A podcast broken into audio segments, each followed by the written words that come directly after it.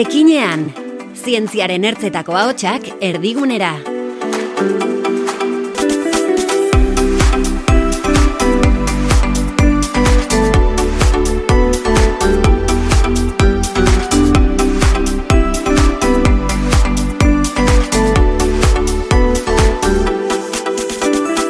Kaixo eta ongi etorri EHU Ekinean podcastera. Eluiarreko Ana Galarraga iestaran nauzue eta podcast honen helburua emakume ikertzaile gazteak eta estereotipoetatik kanpo geratzen diren beste hainbat ezagutzea da. Arrate Santa Olaia Ramirez dugu gurekin. Gaurko gizartearen kezka nagusietako baten inguruan hitz egingo dugu berekin. Zer egin dezaketen ikerketak eta teknologiak ingurumena hobetzeko. Izan ere, Santa Olaia ikertzaia eta irakaslea da ingeniaritza kimikoa eta ingurumenaren ingeniaritza saiean. Ikerketak duen garrantziaz, finantziazioa lortzeko izaten dituzten zailtasunez eta etorkizuneko itxaropenez hitz egingo dugu birekin.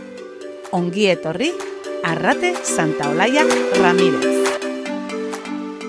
Ingurumen arloan ari zara ikertzen arrate, eta mm, zuk baltzenekien ikasketak azitzen dituenean eta bide hori hartu zen nuenean, horlako garrantzia izango zuela gaiak gaur egun? Ba, bueno, egia esan beti jakin izan dut oso gai garrantzitsua izango zela, ez? Azkenean, ba, ingurumena etengabe zaindu beharreko zerbait da, eta, bueno, ba, ingurumena mundu guztiak eskatzen duen gaia da, ez? Baina alaren nik ez nuen horregatik eh, hautatu, eh? ingurumen arloan ikastea. Asko iristen dira bizi zientziaetatik. Zu ez, zuk beste modu batera egintzen bai, nuen. Industria kimika ingenieritzako gradua egin nuen, eta beno, ba, hor bertan, laugarren kurtsoan, zegoen irakasgai bat, ingurumen teknologiak deitzen zena, Eta ba hor konturatu nintzen, ba gustatzen zitzaidala, ez? Horrelako ikasketak egitea eta ba master bat egitea erabakin nuen. Ingurumen arloan, ez? Eta orduan horre ezagutu nituen ba nire master amaierako lana izango zirenak. Ez, zuzendariak eta beno, ba beraiek eh, proposatu zidaten ingurumen arloan ikertzea eta beno, ba gaur arte hor, e, horretan aritu naiz bai. Lotzen dugu ingurumena zaintzea bizidunak zaintzearekin, baina noski, e, teknologiek asko lagundu dezakete horretan eta gainera kalte handia ere egin dute eta historikoki ba egotzi zaio industria kimikoari adibidez kalte egin izana eta hor aldaketak eginda, ezta? Bai, hori da, ba, gaur egun baliabide natural guztietan, ba, erabilera jasangarria gure etorkizuneko garapenerako ezinbestekoa dela esango nuke, ez?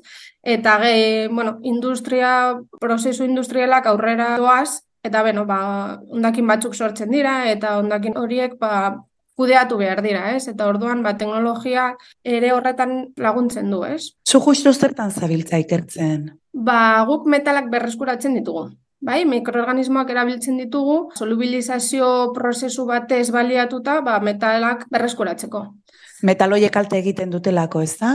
Bai, hori da. Beno, egia esan bioprozesu hori bioarlotan ba, aplikatzen dugu. Alde batetik, ba, mikroegituren fabrikazioan, biomekanizazioa deitzen duguna, eta gero ba, bestetik, ba, hori, endakinetan dauden metalak berreskuratzeko, ez? Eta, bueno, biolixibiazioa deitzen diogu e, arlo horri. Adibidez, ba, guk tresna elektriko eta elektrikoen ondakinetan dauden metalak berreskuratzen du, ez? Edo gu saiatzen gara metal horiek berreskuratzen bueno, ba, gero eta gehi, kantitate gehiagotan pilatzen dira munduan, ez? Horien kudeak eta arazo oso larria da. Orduan, ba, guk azken aldian ikerketa arlo horretan zentratzen gara, ez? Eta ikerketa mundua zuk espero zenuenaren antzekoa da, edo beste ideia bat zenuen eta gero ezustekoak hartu dituzu onak eta txarrak agian? Ba, egia esan ez neukan ideiarik, eh? niretzat berria izan zen eta beno, mundu horretan sartu nintzen, eta uste dut guztiak bezala ez ustekoak eta posak izan ditugu, ez? Baina, beno, ni posin nago egin dudanarekin, uste dut oso garrantzitsua dela, eta beno, ba, gure aldetxoa jartzea ere garrantzitsua da, ez? Bai, horrek azebetetzen zaitu edo behintzaten baten dizu. Bai, bai, bai. Satisfazio hori. Eta alderdi gogorrena zer nabarmenduko zenuke? Ba, ikerketaren alderdirik zailena uste dut finantziazioa dela, ez?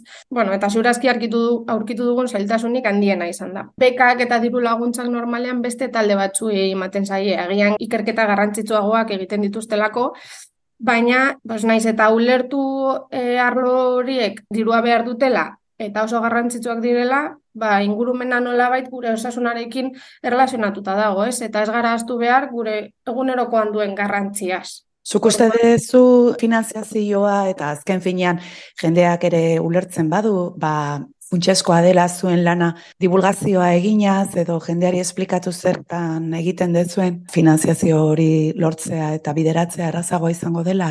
Bai, uste dut baietz. Azkenean divulgazioa ikerketaren arlo oso garrantzitsua da. Besteek ikusi behar dute zertan egiten dugun lan, zertarako, ondorioak, orduan, bai, nik uste dut oso garrantzitsua dela eta bai, lagunduko duela, pues, nola bait finantziazioaren kontua hobetzen, ez? Bestalde irakasle ere bat zera eta horrek ere lagunduko du. Bai. Ikasle berriak etortzea motivatuta, gogotsu eta oztopo hoiek gainditzeko prest. Bai, bai, noski, oraintze bertan, ba, eskuntzan sartuta nago, ba, ni, nolabait nik ikasitakoa, ikasitako guztia, pues, gazte guztiei erakutsi alizateko, ez? E, eta baita ikerketa zein garrantzitsua den erakusteko.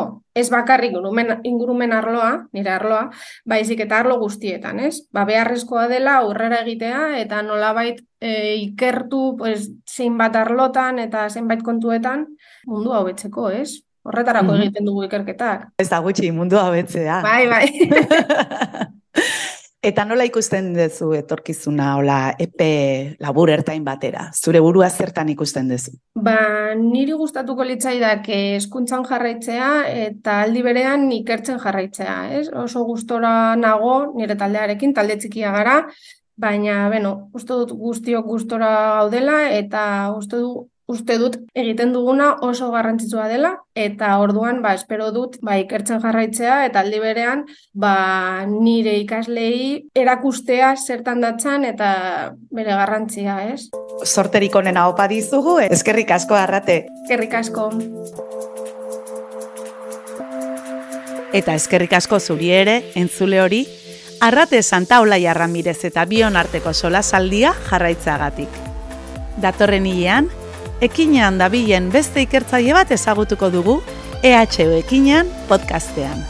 Bitartean, ondo bizi. Ekinean, Euskal Herriko Unibertsitatearen ikerkuntza gizartean zabaltzeko zuzendaritzak, zientzia eta gizarte garapenaren eta transferentziaren arloko errektore ordetza eta eluiarrek ekoitzitako podcasta.